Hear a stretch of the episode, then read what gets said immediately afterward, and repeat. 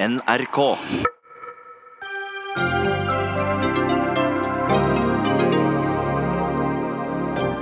FN slår alarm. Én million plante- og dyrearter på kloden er truet, ifølge ny rapport. Hva må til for å snu utviklinga, og kan den i det hele tatt snus? Den nye folkehelseministeren sier la folk spise rødt kjøtt, røyke og drikke alkohol så mye de bare vil. Sylvi Listhaug ufarliggjør helseskadelige vaner, kritiserer Kreftforeningen. Siv Jensen sa 'jævla sosialister' med et glimt i øyet, men mediene blåste opp saken, mener kommentator. Vi gjorde jobben vår, svarer redaksjonsleder. Og bør vi skrote budrunder og heller forhandle om pris på boliger? Ja, mener samfunnsøkonom, mens meglerbransjen protesterer.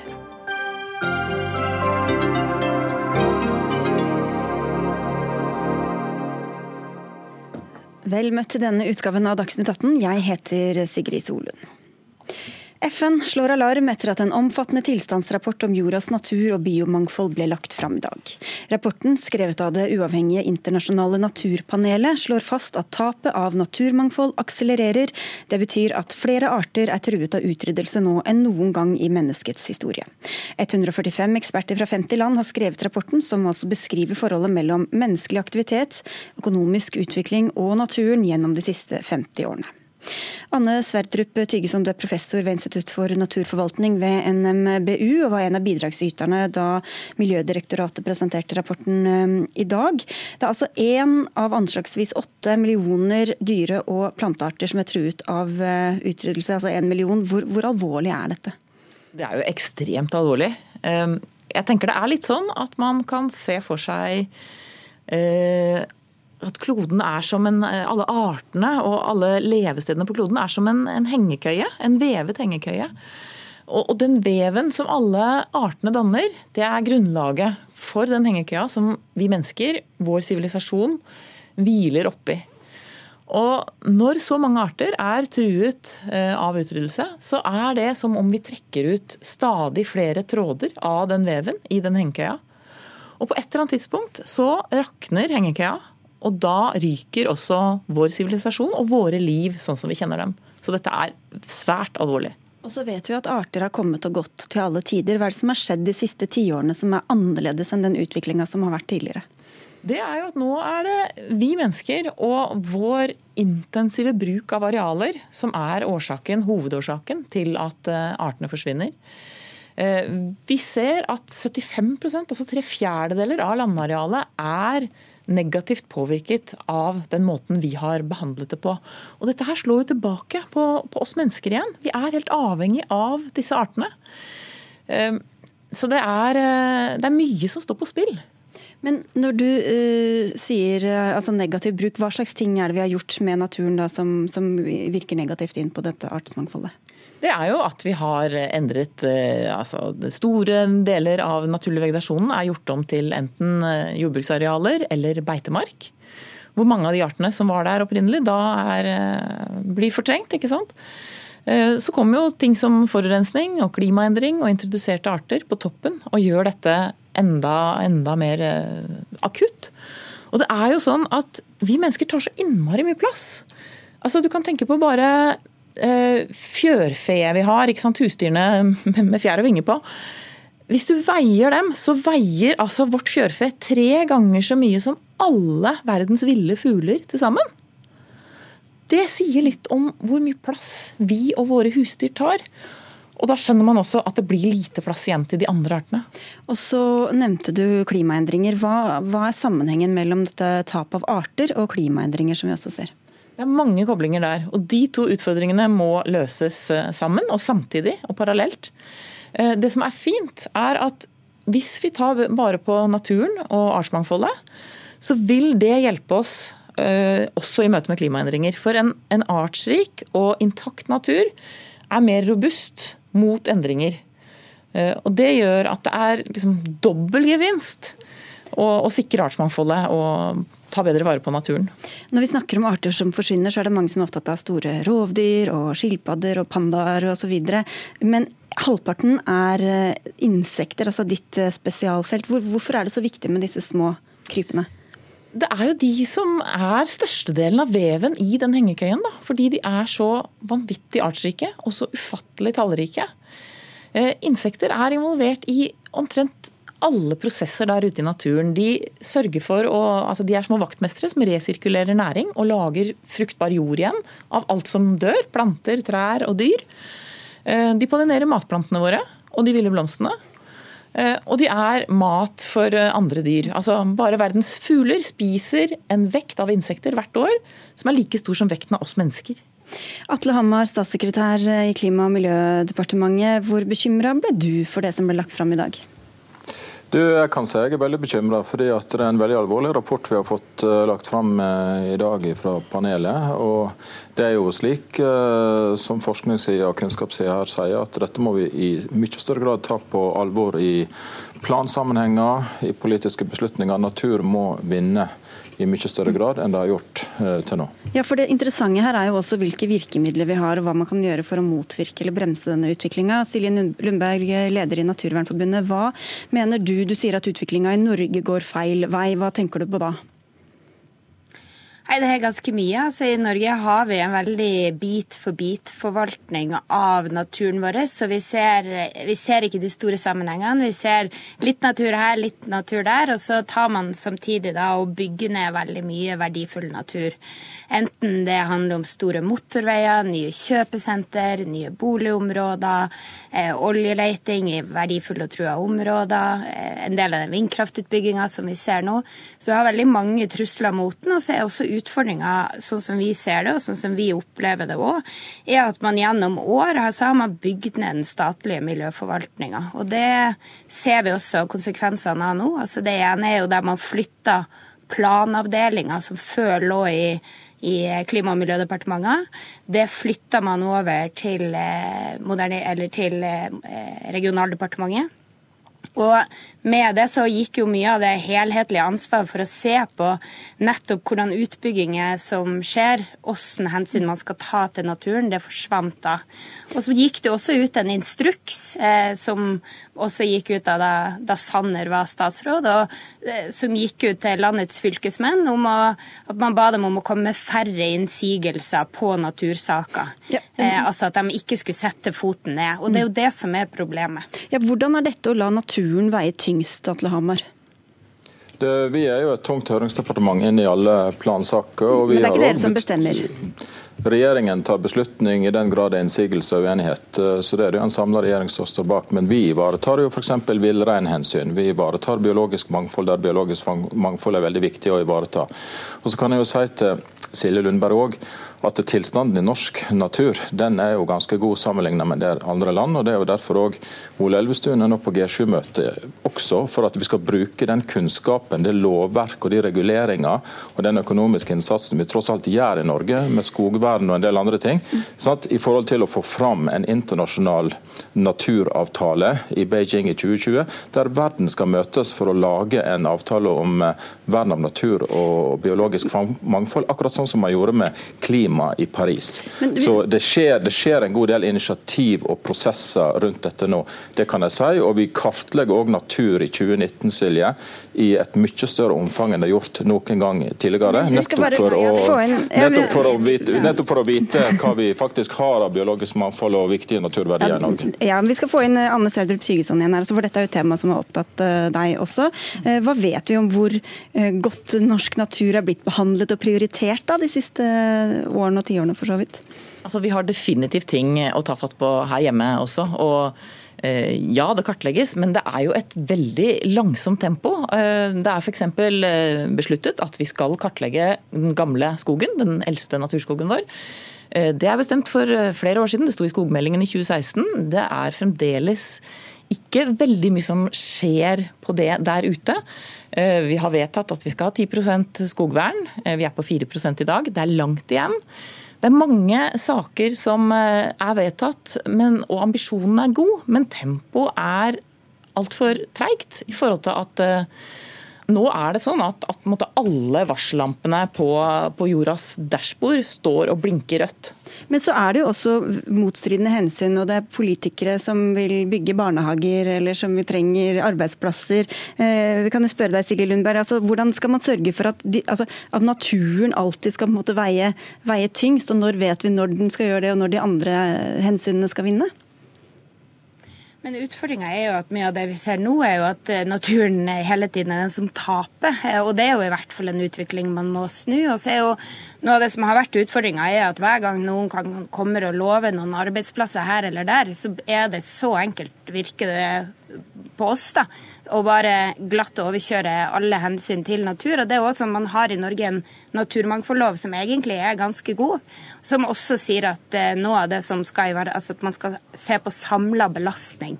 Det er et prinsipp som man ikke får til å etterleve i dag i det hele tatt. Eh, så man har lang vei igjen. Og så er det sant som Atle Hamar sier, ja. Det er bra med skogvern, det er bra med de økologiske grunnkartene som, som vi har bedt om lenge. Men utfordringa er jo at der vi virkelig ser det mangler med kartlegging, og, og der det virkelig mangler eh, kunnskap om naturen, er jo i forkant av utbygginger. Så veldig ofte så ser vi at når utbygginger skjer når de er underveis, så bygger vi ned natur som vi ikke engang visste at vi hadde. Vi mister natur vi ikke visste at vi var i ferd med å miste, fordi at kunnskapen som legges til grunn der, er så elendig. Og da vil du si Atle Hammer, at nå skal det kartlegges. Men hvor godt vil du si at naturen har veid eh, så langt da, i disse konfliktsakene? Ja, altså Vi verner jo 17 eh, i Norge i dag, og vi er på god vei i forhold til å ha en årlig oppnåelse i forhold til å øke skogvern, som vi bruker en halv milliard kroner på. Så kan jeg også si at Noe av det viktigste Norge gjør, det er jo at vi bruker 3 milliarder årlig på å verne regnskog i eh, sju samarbeidsland, For som gjør at vi ivaretar både biologisk mangfold og som, og som vi ja. Men, nei, men, nå snakker vi om her, men her, i, her til lands er vel også én av fem arter på rødlista? Det hjelper ja, ikke med regnskogpenger? Nei da, men vi uh, bruker faktisk eh, ressurser òg i forhold til dette med tap av arter, og styrker den innsatsen i budsjettet for 2019. Så dette er på dagsorden. Og det er jo ikke sånn at all kunnskap er mangelfull, Silje Lundberg, i dette landet her. Vi har betydelig kunnskap i miljøforvaltningen, vi har betydelig vektlegging av dette. F.eks. når det er prosesser mellom eh, Olje- og energidepartementet og miljøet når det gjelder vassdragsutbygginga, så har vi også fått verna de viktigste vassdragene de siste året, det vet jo du. Nettopp i forhold forhold til, nettopp i forhold til vektlegging av biologisk mangfold og tap av natur. Ja. Ja, hvis, vi, hvis, vi, da skal ta vassdrag, så har man jo sett at der har det jo nettopp vært en alvorlig underrapportering av biologiske verdier. Og det var jo først da man endelig gjorde en sånn utredning som vi hadde bedt om så lenge, at man også fikk det kartlagt fra statens side. Og Det er jo det som er utfordringa, som våre frivillige ser nesten i hver eneste eh, utbyggingssak. Så ser de at utbyggerne de kommer og så sier de, nei, men det er ikke så mye verdifull natur her. Og så vet de, fordi de har gått i de her områdene, de har brukt dem, de vet at det finnes så mye mer verdifullt. Sånn at man er jo ikke i nærheten av å være langt nok. Og så har jo også Stortinget gjennom stortingsmeldinger bedt om ganske mye mer vern enn enn det som er kommet så langt. Så har vi også så har vi vektlagt en regional miljøforvaltning og en nasjonal miljøforvaltning som også har kunnskap til å gå inn i disse sakene. og da vet du meg godt at Det gjør vi ganske viktig og grundig. Ok, Takk skal dere ha, Atle Hamar og Silje Lundberg. Og takk til deg, Anne Sverdrup Tygeson. Jeg vet at dere ønsker at forskerne skal bli tatt mer med på råd, så vi kan jo se om det lar seg gjøre etter denne rapporten. Takk skal dere ha alle sammen. Dagsnytt 18 alle hverdager kl 18.00 på NRK P2 og NRK2.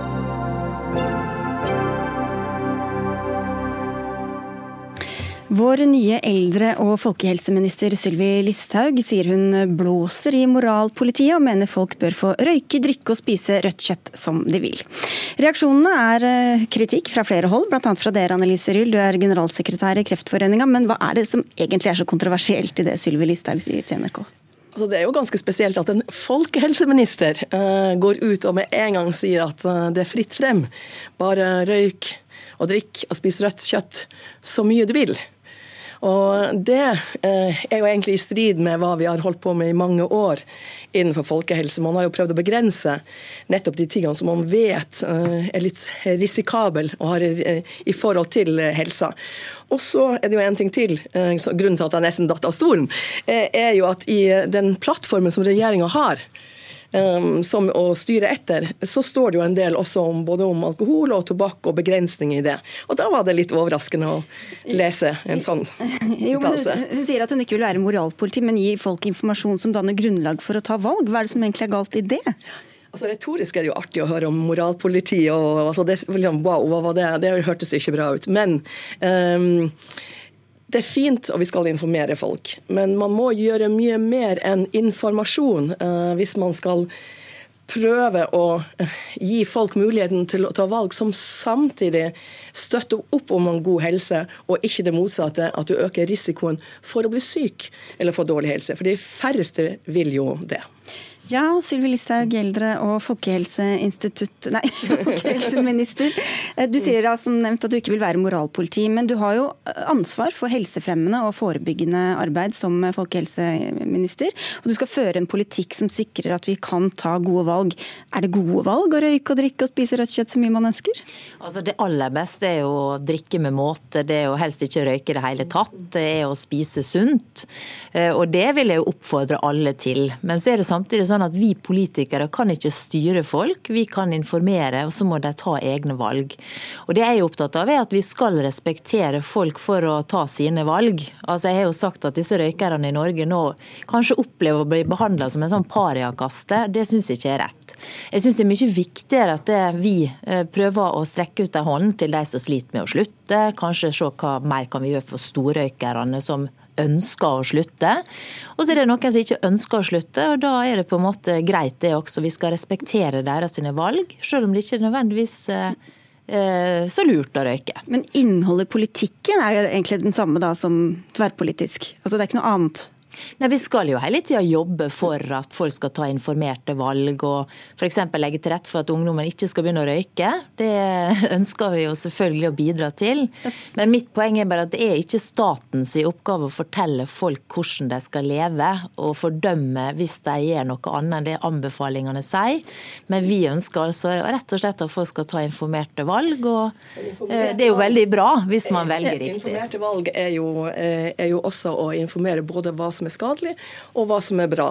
Eh, og, og rettlede folk i det. Og så er jo valgfrihet, ja, men hele altså, Jeg tenker at politikere skal jo nettopp styre, og styre eh, mer enn å si fritt eh, frem. Og, og, man gir informasjon, men man har jo også tiltak. Man styrer jo f.eks. på økonomi og prispolitikk. En ting er at du kan gjøre sigaretter dyrere, men du kan jo gjøre frukt og grønt billigere.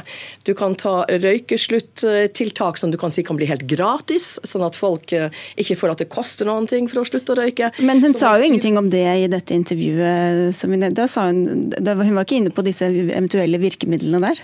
Eh, vi var inne på ett virkemiddel, og det var informasjon. Og så skulle, skulle man sjøl eh, eh, kunne velge, fordi at eh, den enkelte, det var opp til den enkelte å ta, ta valgene. Mener, du da? mener du at ikke det er den enkelte sjøl som kan velge? Skal politikeren begynne å si at du må slutte? Du må slutte, du må slutte? Ja, men det gjør vi i alt. Vi har jo kjøreregler i samfunnet på ett og alt.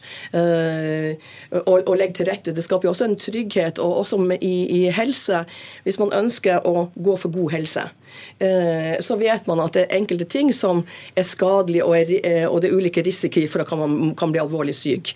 Og så vet man at noen av de tingene er det faktisk mulig å gjøre noe med. Og da har man som samfunn bestandig prøvd å gjøre noe med det ved å tilrettelegge på best mulig måte, sånn at man skal sikre at når du tar dine valg, eh, så leder de i retning av de gode og de sunne og de bra valgene, og ikke der du utsetter deg sjøl for store skader og fare. Og det er jo sånn at Dere for har slått fast i Granavolden-erklæringen at dere skal utarbeide en alkoholstrategi for å redusere det skadelige alkoholkonsumet med 10 um, Så utover å informere, hva slags virkemidler vil du ty til for å få folk til å bli sunnere, da, som jo tross alt er din oppgave?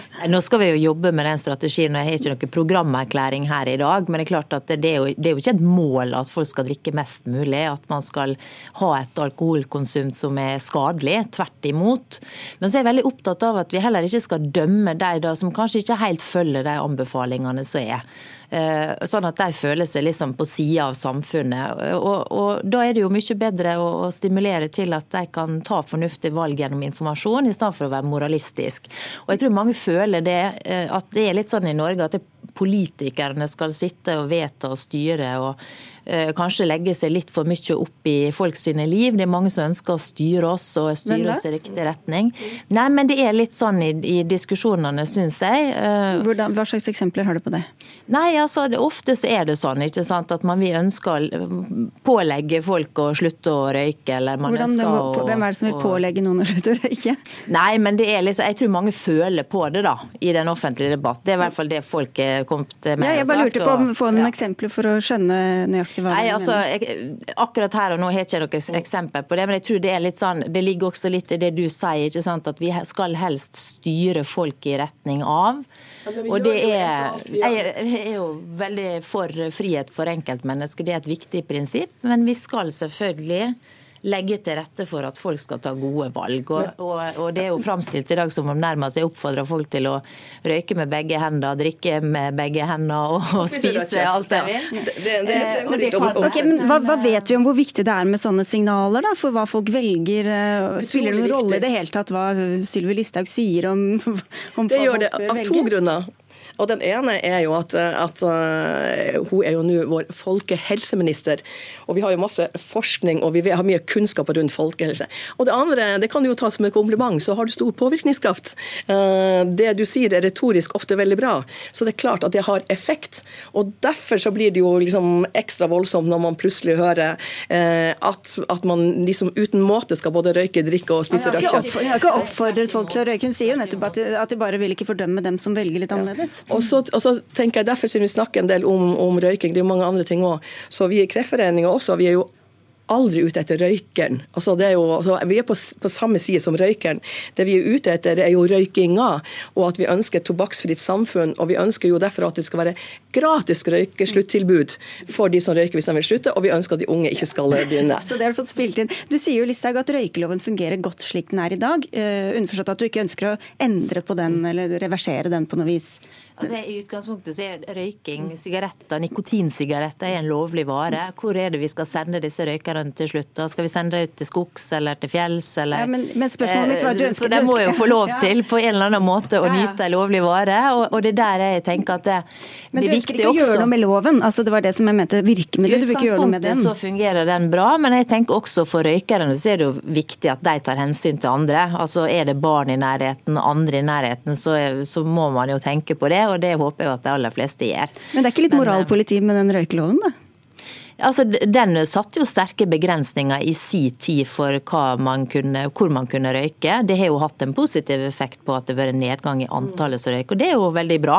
Vi ønsker jo at flere skal slutte å røyke, men det må være et valg de sjøl tar, og ikke noe som de føler liksom de blir pressa til. bare om røyking. Jeg har bare lyst til å komme med et annet type veldig, veldig kort, for denne tiden var For eksempel fysisk aktivitet som er viktig og noen ganger vanskelig å få til. Men hvis man sier det, det, at man bør gå og sykle, så må man jo også tilrettelegge med å lage sykkelveier og mulighet til å gå, ellers får du ikke det til. Og det er det jeg mener, Man må ha tiltak rundt for å være med på å hjelpe til de gode valgene. Og det er det jeg ønsker at folkehelseministeren vår skal tenke litt nøyere over. Vi får gi henne et par dager på å komme med noen tiltak, tror jeg, Sylvi Listhaug, og så får du komme tilbake. Takk skal dere ha begge to, Annelise Ryel fra Kreftforeningen og eldre- og folkehelseminister Sylvi Listhaug.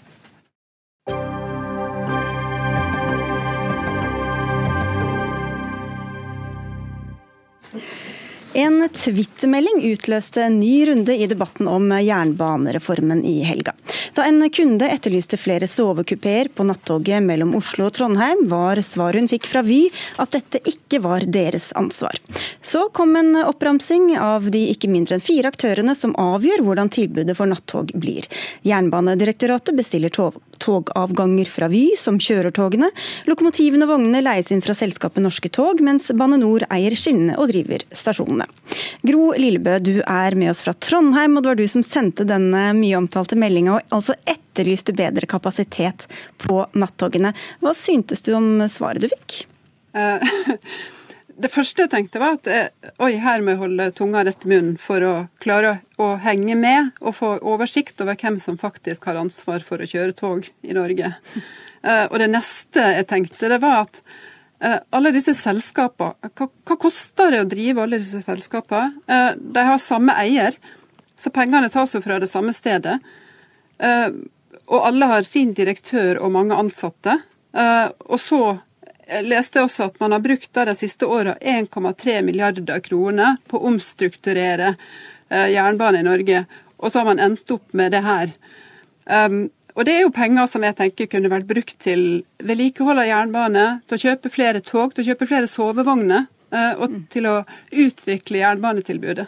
Ja, for å ta det utgangspunktet, da, Hvorfor etterlyste du flere sovekupeer i utgangspunktet? Fordi det ofte er utsolgt. Fordi folk sier at uh, hvis ikke du bestiller uh, tre måneder før du skal reise, så er det veldig vanskelig å få kupé. Uh, det er stor etterspørsel etter, etter sovekupeer. Og jeg leste også at, at de strekningene som tilbyr sovevogner, det har jo generelt høyt belegg. Så det er jo et behov. Om ikke annet så har du i hvert fall blitt ekspert på togdrift i Norge etter denne opplevelsen. Så vi får si tusen takk til deg, Gro Lillebø, og sette over til deg, samferdselsminister Jon Georg Dale. Du var ikke helt fornøyd med dette svaret fra Vy heller, har jeg skjønt? Nei, jeg syns det var en bortforklaring, og derfor så ga jeg uttrykk for det i dag. Når jeg sa at uh, hvis Vy mener det er kommersielt grunnlag for å erverve, kjøpe uh, nytt togmateriell, flere sovevogner, så kan de gjøre det enten på selvstendig kommersielt grunnlag, eller de kan søke å inngå en avtale med Norske Tog om å ha en langsiktig leieavtale med det. Så jeg mener svaret var bortforklarende, og det syns ikke jeg var godt nok, en god nok måte å svare kundene på. Men bare for å spørre, altså Disse sovekupeene som vi var inne på, de har et veldig godt belegg. På Dovrebanen er de mellom 90 og 95% ifølge Aftenposten, og også høyt på andre strekninger. Hvorfor blir ikke da kapasiteten økt? Nei, vi eh, ser jo på mulighet for å øke kapasiteten på veldig mange områder på tog. Det går 100 flere togavganger inn og ut av Oslo hver dag nå. Det er fordi vi styrker tilbudet. Vi har kjøpt eh, veldig mye nytt materiell de siste åra. Det skal vi fortsette med også de kommende åra.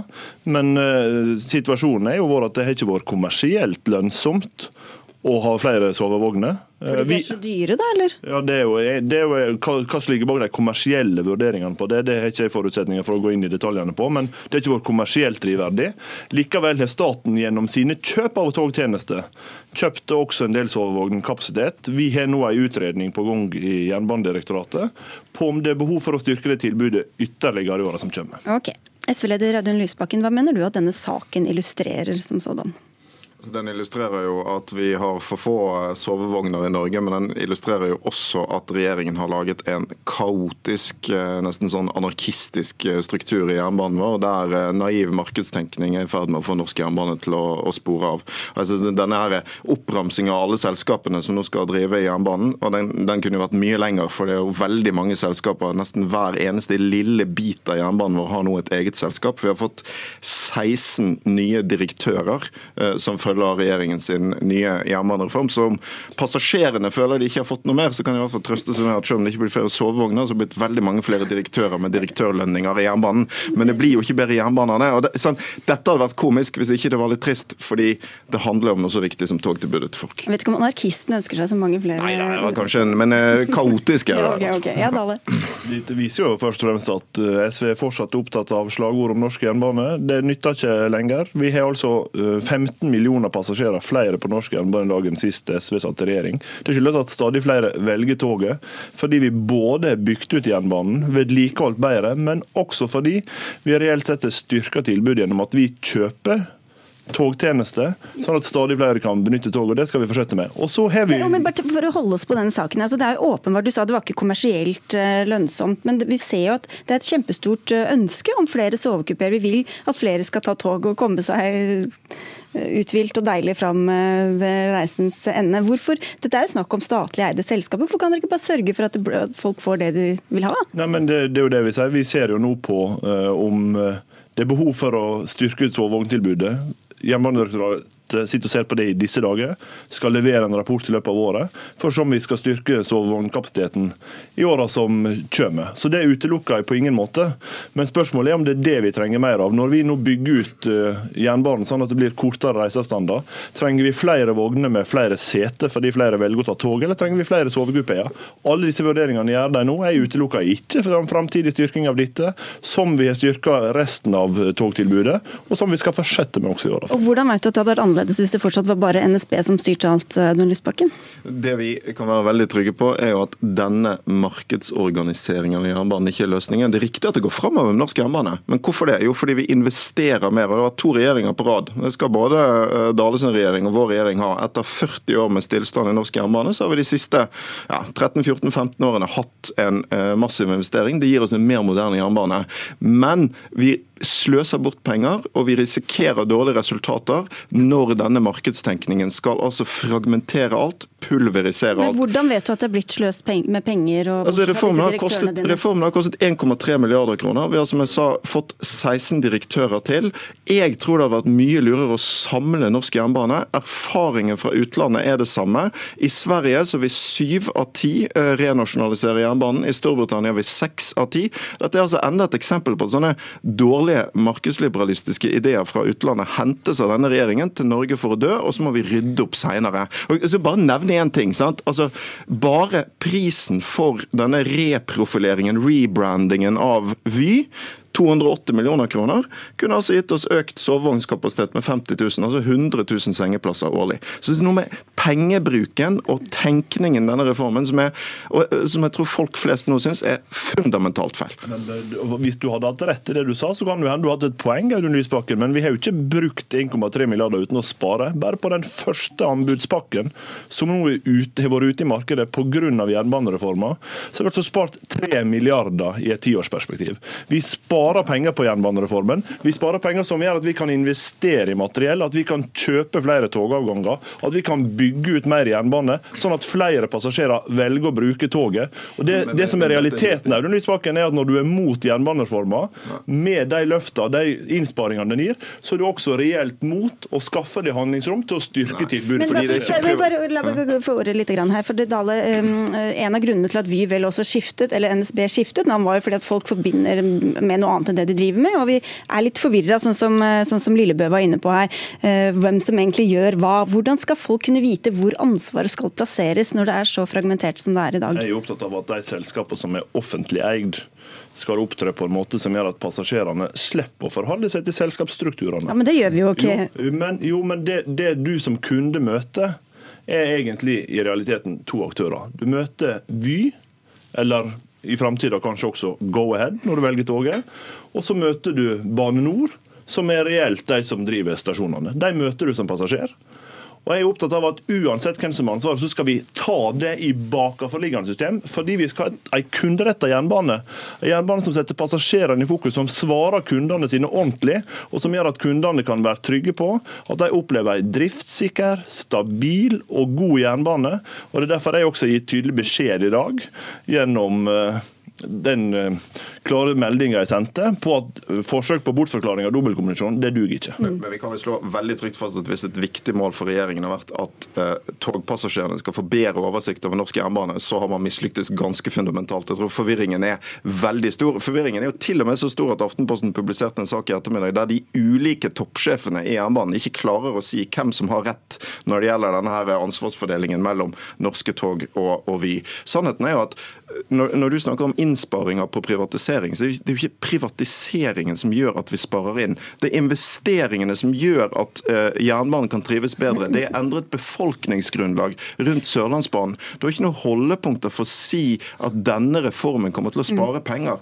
Det vi derimot vet, er at andre land som har samlet jernbanen i ett statlig selskap, har lykkes godt. Tyskland har gjort det, Sveits har gjort det. Så det er jo litt lurt, tenker jeg, å se skinner og tog og folk i sammenheng. Mens okay. dere har laget et bemanningsselskap, et togselskap, et skinneselskap. Snart er det et selskap for ja, hva greit. som helst. Det, vi, skal, vi må bare avslutte litt der vi begynte, nemlig med deg, Gro Lillebø i, i Trondheim. Hva, hva, er konklusjonen din etter å ha hørt på disse to herrene i studio?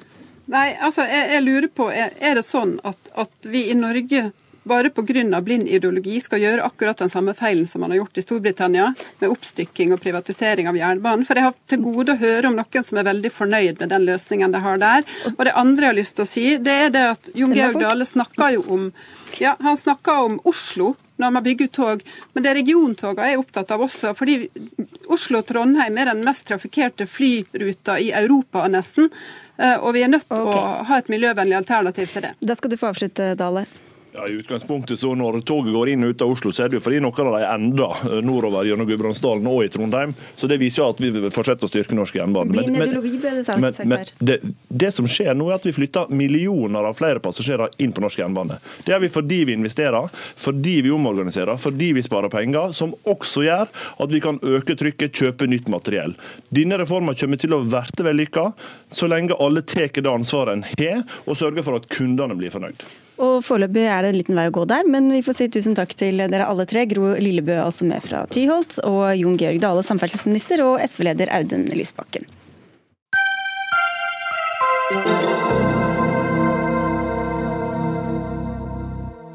Bør vi droppe budrunder når vi kjøper og selger bolig? Det skal vi snart diskutere, men før det til en uttalelse fra Frp-leder Siv Jensen under festmiddagen på partiets landsmøte lørdag kveld. Den har vakt oppsikt og forargelse, i tillegg til oppgitthet over forargelsen. For dere som har bodd under en stein de siste par døgn, skal vi nå få høre litt av hva hun sa. Men det er noe med kickoff. I morgen så er det bare brette opp ermene dundre ut og knuse disse jævla sosialistene. Ja, var dette så ille at det forsvarte store overskrifter? Eh, Jens Kiel, du er kommentator i Bergens Tidende. Du kaller dette en fillesak og mener media løper i flokk. Hva er det som har preget dekninga, sånn som du ser det? Dette er eh, en sak som har tre problemer. Det ene er at med krigstyper over eh, mange nettaviser samtidig, så gir det ikke et rett bilde til folk, til leserne, av hva som egentlig har skjedd, og hvor alvorlig eller ikke alvorlig det er. Det andre er at eh, denne fleipinga fra en festmiddag kommer i veien for de viktige debattene i forbindelse med FrPs landsmøte. Og det tredje er at denne måten å opptre som en slags sånn pressedomstol på, gjør at vi bare sender samfunnet vårt i en enda mer lettkrenka retning. Og det orker jeg bare ikke. Mats Frønning, du er leder av politisk avdeling i Dagbladet. Dere var blant de som slo dette opp ganske stort og tidlig. Hvorfor var dette en sak, mente dere? Nei, altså Vi hadde ønsker om å rapportere fra festmiddagen til Fremskrittspartiet under landsmøtet. Eh, Siv Jensen eh, fylte 50 år og skulle feires av partiet. Eh, I dag har hun leda partiet sitt i 13 år, og vi ville formidle til folk hva som skjedde under feiringa. Ja, men så var det hvordan dere vinkler det og hvordan det virker. Her var det jo altså mange som ble opprørt da de leste bl.a. deres sak og reagerte på bakgrunn av den. Hvor um, talende vil du si deres dekning var, eller hvor dekkende var den for det som faktisk skjedde på det landsmøtet?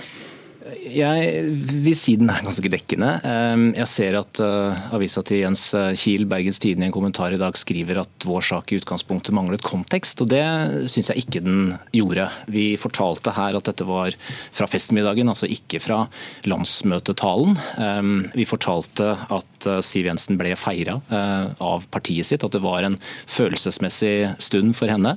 Ehm, vi redegjorde for talene som Sylvi Listhaug holdt om Siv Jensen at det ble vist en video. Eh, og det var i denne sammenhengen at, eh, at vi også gjenga ordene hun brukte. Eh, og Så publiserte vi jo videoen samtidig, så, så leserne våre fikk inntrykk av å høre Siv Jensen selv formulere seg, og vi hører altså hun svelger litt dette banneordet. Det er applaus og trampeklapp i salen, den bryter ut i latter flere ganger. Så jeg tror man har hatt konteksten klart for seg hvis man har lest saken. Ja, Kiel, hvordan er dette å ta saken ut av kontekst, da, når de også viser videoen til og med?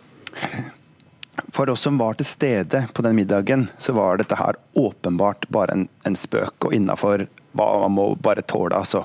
Og så, eh, når du da dagen etterpå får overskrifter hos Dagbladet, og samtidig hos de andre største nettavisene med liksom Siv Jensen, kolon vi skal knuse disse jævla sosialistene. Og, og Dagbladet presenterer det også i en sånn rød firkant med krigstyper på forsida, som om det var jeg vet ikke, statskupp i Moss eller ebolautbrudd i Horten. Ikke sant? Og det blir, det blir, så innmari stort. Og Hvis man hadde skrevet 'Siv Jensen spøkte om sosialister', så hadde det den ras nedover fronten med en gang, fordi ingen hadde giddet å trykke på den. Men det er jo det at man bruker disse virkemidlene, og det er hun selv som må forklare at hun sa det med et smil om munnen osv. Eh, det får man liksom ikke noe Det kan avisa selv tydeliggjøre på en helt annen måte enn de gjorde da. Ja, vi, vi, henvendte oss jo til eh, Siv Jensens folk i eh, etterkant av at hun eh, sa disse ordene. Varsla om at vi ville publisere saken. Ble sågar tilbudt feeden fra salen. Jeg valgte å bruke den videoen vi hadde selv. Det var heller ikke sånn at vi jakta reaksjoner i utgangspunktet her. Her kom reaksjonene av seg selv, bl.a. fra tidligere KrF-leder Knut Arild Hareide og stortingsrepresentanter i Arbeiderpartiet. Dagen etter Tror du de hadde reagert på samme måte hvis de hadde vært til stede i salen og fått ja, stemninga sånn som Kiel beskriver? Det, det, håper jeg jo at de ville. fordi dette er folk som har vært med på landsmøtefester flere ganger, og som vet at uh, det er en annen sammenheng og en annen kontekst enn under uh, landsmøtedebattene. Og Jeg regner jo også med at begge de som reagerte initielt, leste hele saken vår og satte den inn i den sammenhengen den fortjener å bli satt inn i. Du Kiel, jeg vil bare spørre deg, du sier at vi jager i flokk, eller at mediene jager i flokk. Men nå har jo den ene kommentatoren etter den andre stått fram og sagt at dette ikke er noe å skrike opp om. Hvordan er det å jage i flokk, egentlig? Da er det i så fall på den andre siden, da, eller? Nei, altså den på en måte veggen av nettaviser som møtte meg søndag morgen, og som alle sammen hadde det samme opplegget, det tenkte jeg er sånn dårlig flokkmentalitet. Og eh, Siv Jensen selv brukte jo liksom to runder med pressen på bare for å snakke om denne saken, og ingen andre saker den formiddagen. Og så tenker jeg jo at for oss som, altså det at flere av oss som har vært til stede faktisk på den middagen, sier at når vi leser nettavisene, VG, Dagbladet og flere, eh, søndag morgen, så klarer vi ikke å kjenne igjen den situasjonen vi selv opplevde. Så burde jo det kanskje være en tankevekker, da. Det gjelder vel ganske mange som leser saker de er engasjert i i avisa hver dag, vil jeg tro. Altså, til dette med balanse. Vi, vi, hadde jo også fulgt opp dagen etter med, med Carl I. Hagen, som gikk ut med Dagbladets dekning. Vi har omtalt eh, kommentatorer som f.eks. Jens, eh, Jens Hiel og, og Hege Ulstein i Dagsavisen hva de mener. Og vi har skrevet en egen kommentar selv. Kommentaravdelinga står bak den. Eh, skrevet av Dagbladet Sol og Rydje, som går langs de samme linjer som Jens Kiel er inne på her. Og jeg må bare innrømme det at jeg ble litt overraska over reaksjonene selv. Utgangspunktet her var jo at vi ville formidle hva som skjedde på en landsmøtefest. Og dette skjer jo på en bakgrunn hvor vi har hatt en diskusjon om samrøre mellom politiske journalister og politikere. Vi vil gjerne få framheve at eh, hvis du som partileder i et parti står fram under, og du vet at du blir filma og det sitter på journalister i salen, så skal en journalist kunne referere fra det som skjer under en festmiddag, selv om det er en uformell sammenheng. det mener jeg vi må ha klart for oss. Først lager dere saken, og så kritiserer dere dekningen reaksjonen i Men Kommentaravdelinga hos oss jobber jo uavhengig av den redaksjonelle avdelinga som jeg leder. Og, og vi, vi, gjør jo ikke dette her nødvendigvis fordi som, som journalist du er indignert selv. Du skriver, du skriver, et referat på en tale, og så griper du fatt i noe av det som man finner oppsiktsvekkende. og det, Reaksjonen i etterkant viser jo at, at, dette var noe som også flere mente vekte oppsikt enn, det vi gjorde. Takk skal dere ha, begge to. Mats Rønning fra Dagbladet og Jens Kiel fra Bergenstidene. Hør Dagsnytt 18 når du vil. Radio NRK Radio.nrk.no.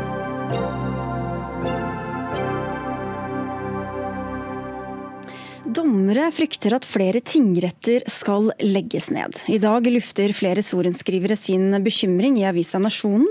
Domstolsystemet skal nemlig reformeres, noe som kan føre til færre tingretter her til lands.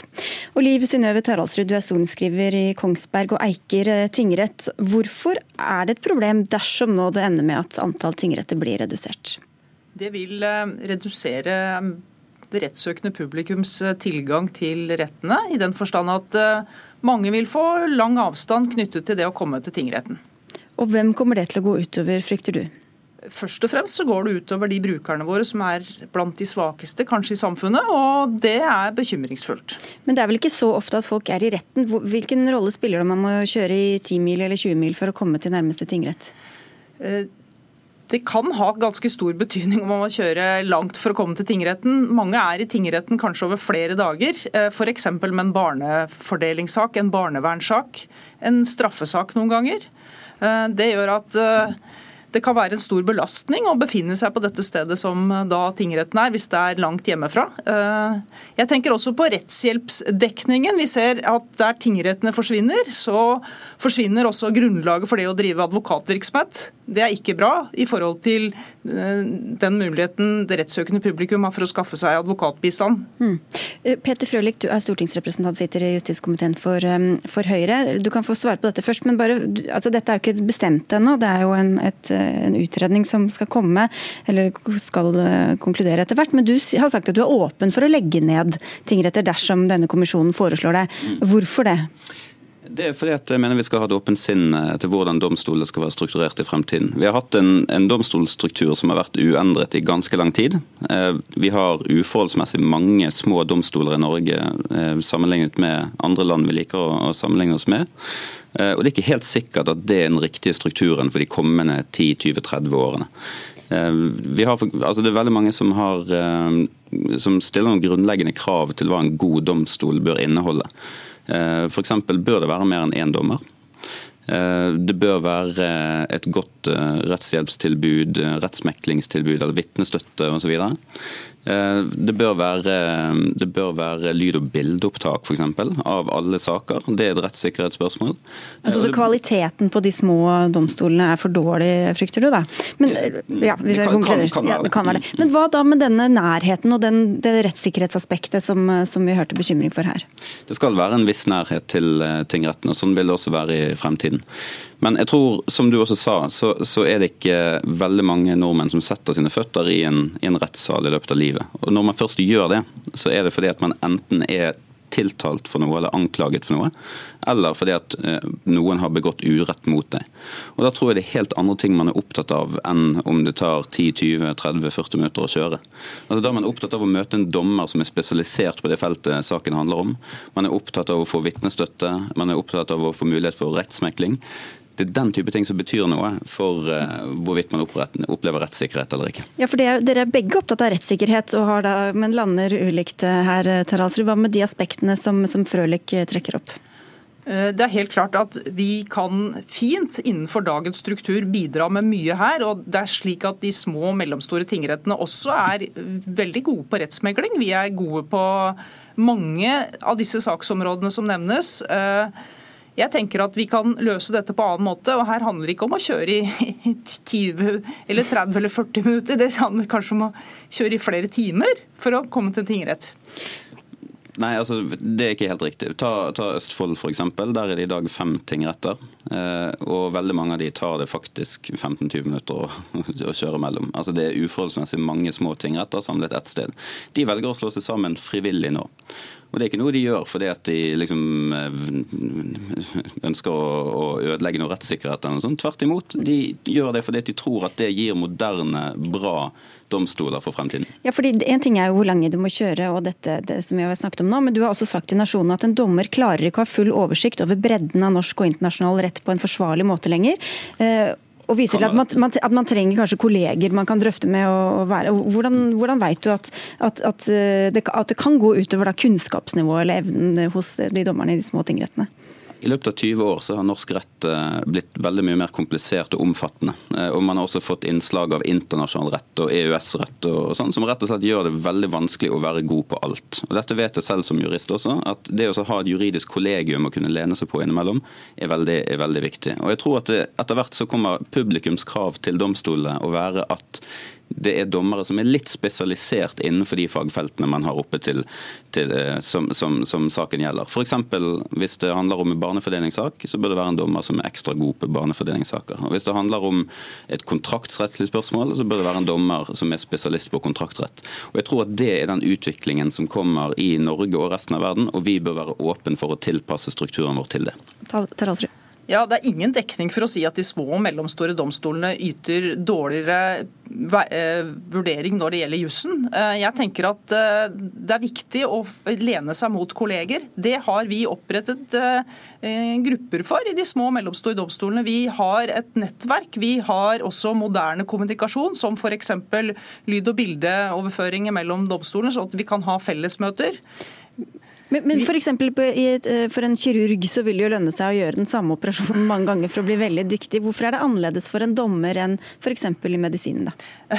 Mange av de eh, saksområdene som nevnes nå, f.eks. barnesaker, får vi stor mengdetrening med. sånn at det vil virkelig være et av de områdene som vi faktisk er gode på, alle dommere. Det er allerede kommet eh, vedtak eh, og anbefaling om at alle barnefordelingssaker bør gå for de større domstolene. Så allerede nå er vi i ferd med å få en ganske uheldig utvikling, nemlig en utvikling til A-domstoler og B-domstoler. Jeg tror at vi er nødt til å gjøre noen endringer for å eh, sørge for at det blir like gode domstoler overalt i landet, og at ikke vi nå begynner etter hvert å få noen, noen domstoler som rett og slett bare ikke er kapable til å ta inn alle saker. Og Det kan bety noen endring i, i strukturen. Men så skal jeg være enig med deg i én ting. Eh, jeg sier ikke at det per dags dato er liksom noe krise i domstolene. Det finnes domstoler med én dommer, men det er stort sett veldig veldig dyktige dommere.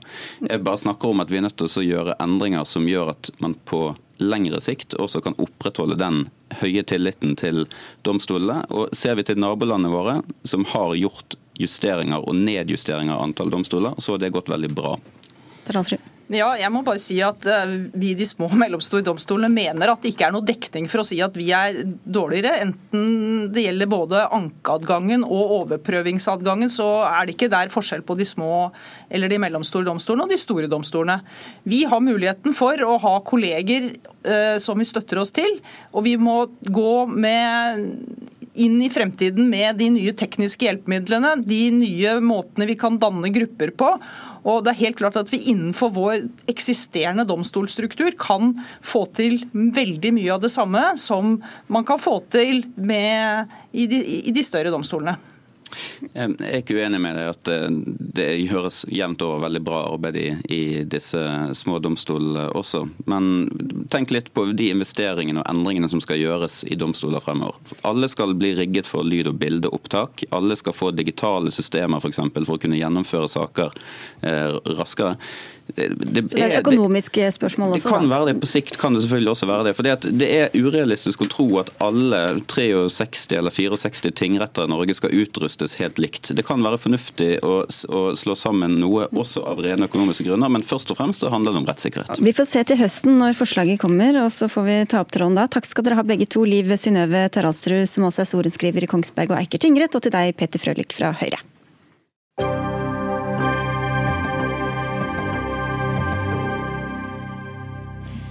Det er nok mange nordmenn som har endt opp med å gi ganske mye mer for et hus eller en leilighet enn planlagt, fordi de lot seg rive med i en hektisk budrunde. Denne modellen med budrunder ved boligkjøp bidrar til at boligprisene stiger mer enn nødvendig, og det taper boligkjøpere på, skriver du i en kronikk i Aftenposten i dag, samfunnsøkonom Helle Stensbakk.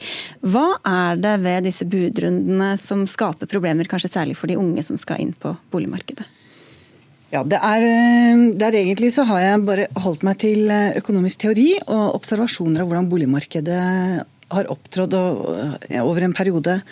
Og det er et trekk ved bolighandel, eller bolighandel i Norge hvor prisene avgjøres ved auksjoner. Det vi kaller auksjoner. Og auksjoner har eh, eh, I dette tilfellet så er det relevant å peke på det som vi kaller vinnerens forbannelse. Og I boligmarkedet så kan man Eh, for å gi deg en sånn enkel eh, beskrivelse, da, så, så kan vi regne med når man eh, når boligkjøpere går inn, inn, i markedet for å kjøpe, så kan vi regne med at de har ulike oppfatninger om hva er, hva verdien på boligen er. Um, men, men, de vet ikke hva den, den, liksom den sanne ukjente verdien er hos de andre. sånn at Men så kommer Eh, så kommer budgivningen, og da kommer det inn et bud hvor det alltid hele tiden er det høyeste budet som, som, står. Og disse budene hos de andre kan gjøre at boligkjøperen da kanskje kan oppjustere sin oppfatning av hva verdien av denne boligen er. Eh, og så er det litt sånn psykologi som kan spille inn i, inn i bildet her, som psykologer kan forklare bedre enn en økonomer, men man kan i hvert fall la seg rive med. Mm. Eh, og oppjustere og gi bud da som ligger høyere enn det man hadde hadde tenkt seg. Og så skjer jo det at når alle de andre trekker seg, da står han der alene og har vunnet. Ja. Og da er da teorien sånn at da er det kanskje til en, til en høyere pris enn det du hadde egentlig ja. Jeg vil tro at dette er en ganske gjenkjennelig situasjon for ganske mange lyttere og seere her. Kristian Vammevold Dreyer, du er administrerende direktør i Eiendom Norge, som altså er bransjeorganisasjonen for norske eiendomsmeglingsforetak. Hvor godt mener dere da at dette systemet fungerer i dag? Eh, jeg tror nok at å trekke blikket enda høyere enn hva vi mener Den generelle oppfatningen av det norske boligmarkedet er at de aller fleste er ganske misunnelige på oss. Vi har kanskje det mest effektive boligmarkedet i, i Europa. Da vil jeg tro også i verden. Eh, vi har eh, det mest transparente. Forbrukerne beveger seg inn og ut av dette markedet og, er, har tilgjengelig alt som er av boliger til salgs. Det er det mange som misunner oss. Eh, og vi har også de laveste transaksjonskostnadene. Det er jo ikke akkurat noe vi nødvendigvis jubler for, som faktisk bistår forbrukerne i dette. Men det er lave transaksjonskostnader. Og en av grunnene til det er nettopp veldig mye av denne strukturen som boligmarkedet er bygd på. Det som, det som Helle Stensvang beskriver her, det er jo eh, grunnleggende regler i eh, forbrukerhandler i avtaleloven. og den avtale, Avtaleloven er jo snart 100 eh, år gammel. Eh, nemlig at eh, kjøper og selgere finner hverandre, og man har ordinære frihet til å kunne legge inn bud i, en, i en, handel. Men som mange vet, så er det jo ikke sånn. Det er ikke som å gå, altså, å gå på butikken. Her er det jo, Du er og ser en leilighet, og vips, så er den budrunden i gang, og så må du bestemme deg veldig fort, og det, og det presses opp, og man ja. blir stressa osv. Og, og det er riktig, men, men, eh, det er jo igjen da, dette som Stensbakk kaller for Hva var det du, var det du kalte det? Vinnerens forbannelse. Vinnerens forbannelse. Det er jo da beskrivelse av en markedspris. Og En markedspris er jo nemlig det som eh, kjøperen ender opp med å betale for til slutt. Og vi må huske på en ting. Eh, den Beskrivelsen av disse budrundene det er, et, eh, det er et eh, fenomen som dukker opp absolutt eh, ganske ofte i bolighandelen, men vel så ofte så er det én-til-én-forhandlinger mellom en budgiver og en boligselger, og langt på vei sånn som markedet du beskriver. Men det er en eh, frihet i begge deler i den norske transaksjonsmodellen. Mm. Ja, Det gjør jeg nettopp et poeng ut av i dagens Aftenposten-artikkel at det er jo ikke en, et marked der oppe hvor det står bare én igjen. Eh, det er jo nettopp, eh, Da er han alene der, og det er jo da definisjonen av at det ikke er et marked. Eh, men men, men Dreyer har rett i det du sa om lave transaksjonskostnader og at det er en effektivitet i markedet her hos oss. Det, det er det. Men jeg skrev altså i dag egentlig noe fordi, fordi jeg da var så heldig å få en spansk eiendomsmegler til å forklare meg ganske nøye hvordan, eh, eh, hvordan prisdannelsen og omsetningen i det spanske markedet var. Og da kom det, i hvert fall for meg som økonom, så kom det noe nøkkelinformasjon. Og nå vil ikke jeg si at det spanske boligmarkedet fungerer perfekt, for de har også mange mangler, da, sånn som f.eks. høye transaksjonskostnader. Og, Men er det, Hvordan er det annerledes enn her, da? Jo, Der er det annerledes på den måten at at meglerne får ikke lov å ha monopol på boligen som er til salgs. Så alle boliger som er til salgs, de legges da i en base. Og, må, og da blir jo ikke megleren agenten til selger, men megleren blir agenten til kjøper. Så når en kjøper kommer og vil ha en bolig, så vil en megler lete opp et knippe passende boliger.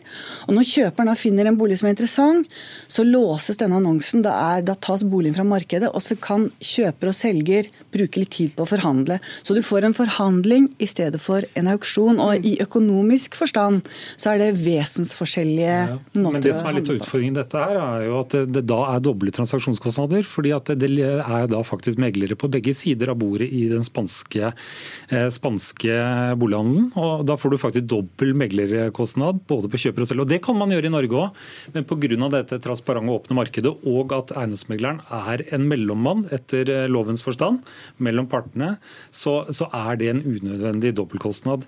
Men jeg vil bare si Spania. Det er ganske interessant, fordi Spania er et av de markedene i Europa som har hatt de største svingningene i boligmarkedet. Og et av, av, et av argumentene dine til å foreslå dette er nettopp for at boligkjøp kjøpere skal komme seg inn, førstegangskjøpere skal komme seg rimelig inn i boligmarkedet.